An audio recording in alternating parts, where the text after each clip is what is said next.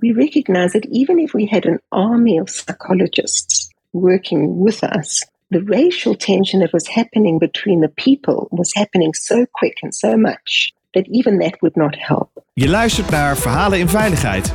Deze podcast brengt verhalen over veiligheid samen van de mensen die het doen. Met wisselende onderwerpen.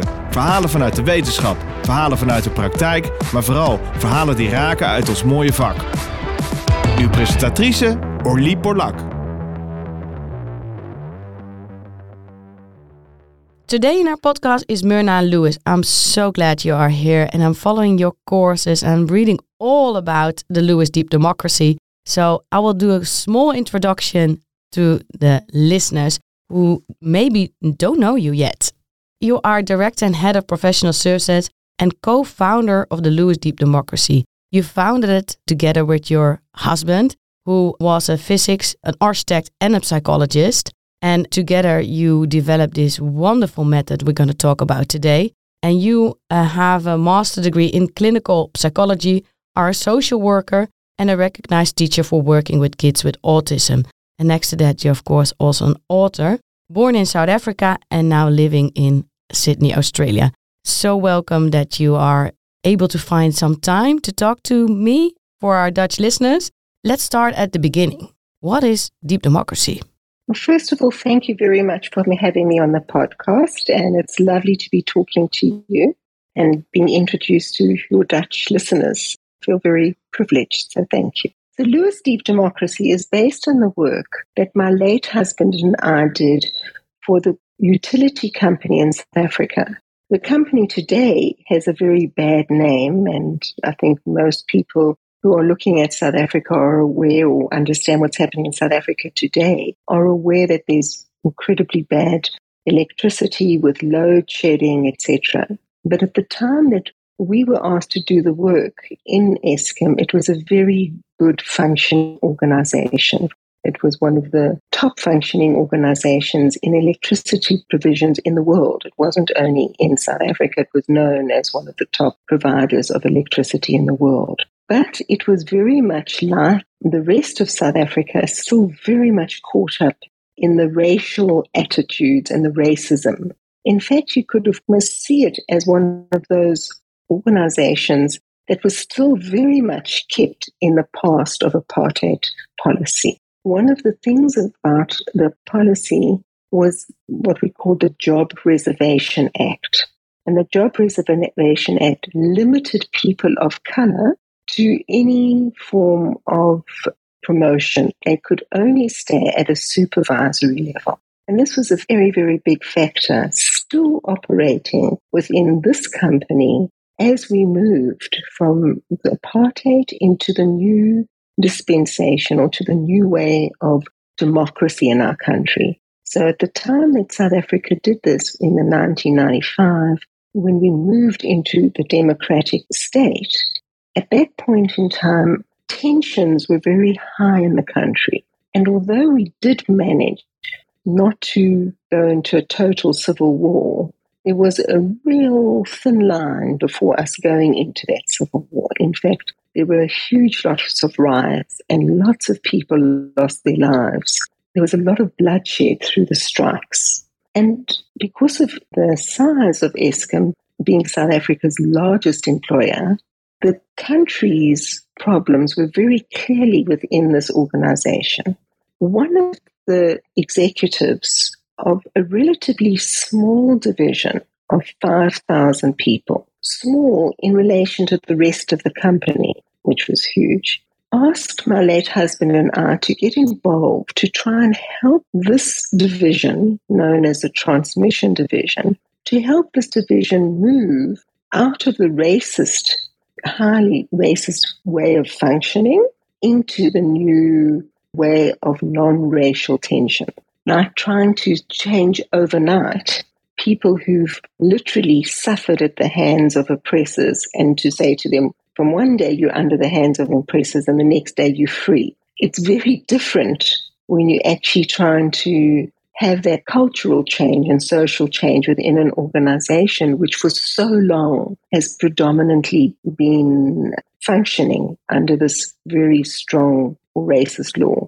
So the challenge was extreme for us. It was extreme in that the tension was not there occasionally. The tension was happening moment by moment between people in this organization. And the division was coming to a stop. It wasn't functioning at all, but it was a very crucial division within this company. So they had to actually do something extreme to be able to make the company, this division, make it more functional. The reason why it had already become dysfunctional was that gone with the advice of a um, strategist who suggested that they take out the hierarchy as a way to help the racial tension not being reinforced through the hierarchy, which it was, particularly as a result of the whole thing that people of color could not go beyond supervisory level. So the hierarchy reinforced the apartheid policy. So by taking away the apartheid policy and making everybody function in teams seemed like the right way to go. And this executive did that. He took away the hierarchical functioning and made everybody equal and equally capable responsible within the teams. As a result of that, the whole division came to a stop because what now came to the fore was all the racial tension and they didn't know how to cope with it. So my late husband and I were two of the many consultants brought in at the time to help that and we were given the task of helping the groups function. And we recognized that the work that we were going to do with them, and we were given every opportunity to do whatever we wanted because they were so desperate, we recognized that even if we had an army of psychologists working with us, the racial tension that was happening between the people was happening so quick and so much that even that would not help.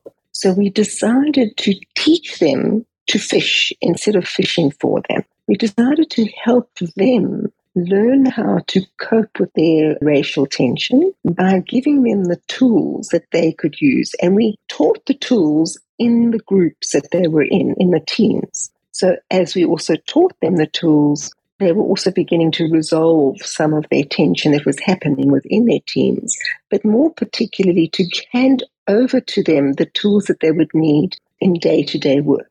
And these tools that we used was an adaptation of Arnold Mindell's process orientated psychology. We adapted some of the tools, but more specifically, we used the basic core of his work, which is known as role theory. This theory is a mind blowing theory. In fact, when you start acknowledging this view of the world, it's really like a worldview. If you acknowledge this worldview, your whole understanding of group dynamics changes. So, core concept of this view is that you're not looking at individuals, but you're looking at energetics and patterns that play out between people. This view and the way we then adapted tools, and most of the tools that we created we're really looking at how this group make decisions together.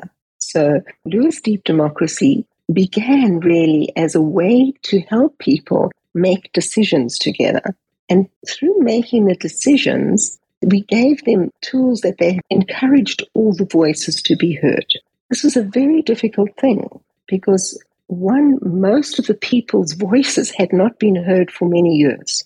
And on top of it, they were with people who had in the past tended to not allow them a voice.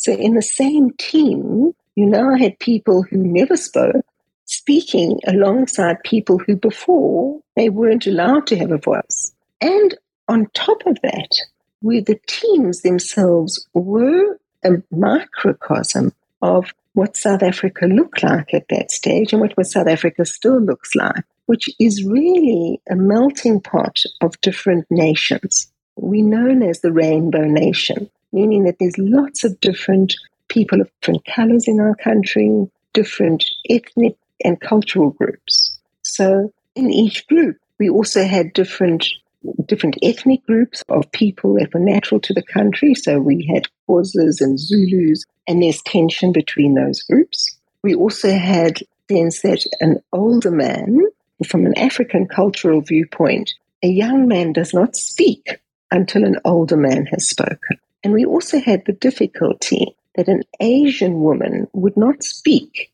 in the group because she didn't have the right to speak in front of a group which was mainly of men. Not only did we have the problems of racism, we also had the issues around culture. And so we decided to teach them certain tools to use and enable them to understand and utilize those tools, that they could then be able to go ahead and resolve their own tensions, which they started to do. And you say it's built upon a new idea about group dynamics, about the way we look at roles or at the process in groups. Can you talk a little bit more about that? Sure. And this is what I said was really the work of Arnold Mindell, who's the father of process orientated psychology. Arnold Mindell is a physicist and he's a Jungian analyst. And I believe that he will be known as the new Freud many, many years' time. Because I believe that what he's done for psychology is he's helped us move away from individual psychology, looking at people in relation to quantum thinking, which is really recognizing that ultimately we live in an energetic field which connects us all. And that field, that energetic field, is has within it all the different aspects. And we as individuals can own and have all those different aspects within us. But we tend through more because of the way we've been socialized, the way we are, to take up certain aspects and not really consciously see other aspects in ourselves. So we tend to become stuck in our energies. So, for example, in a group, certain people will be seen as the people who are creative and they will be slotted into the creative role. And other people we've seen as structured and they'll go into the structured role. And one tends to tend to then rely on these people to do certain functions. In fact, even their titles can be reflecting of their functions. But through a lens, a quantum lens, we recognize that these functions and roles, these energetic roles, are actually in each one of us. And the more we can have the roles fluid as opposed to stuck in one person, the more able we are to maximize not only the group's potential, but the individual's potential as well.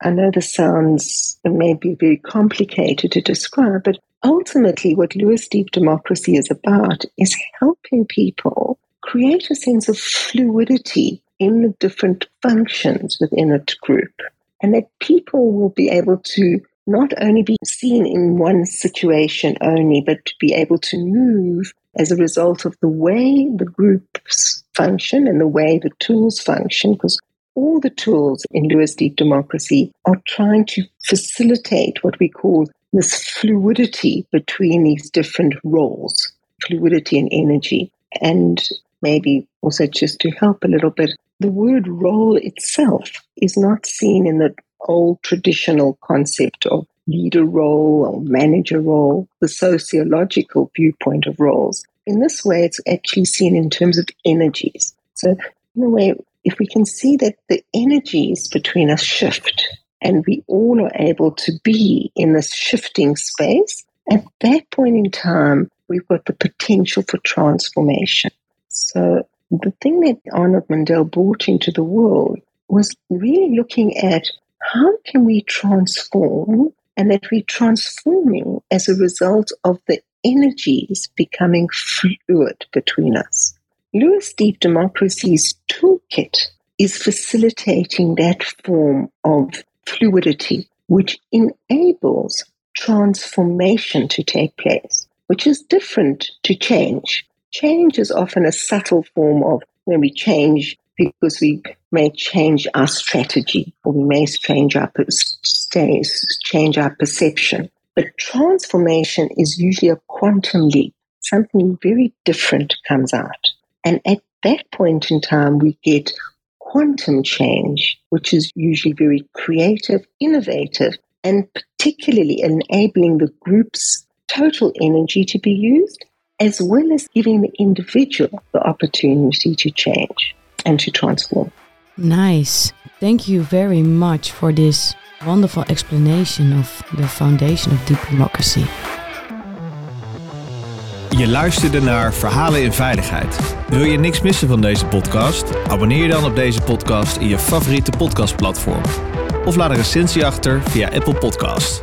Dank voor het luisteren. Graag tot de volgende.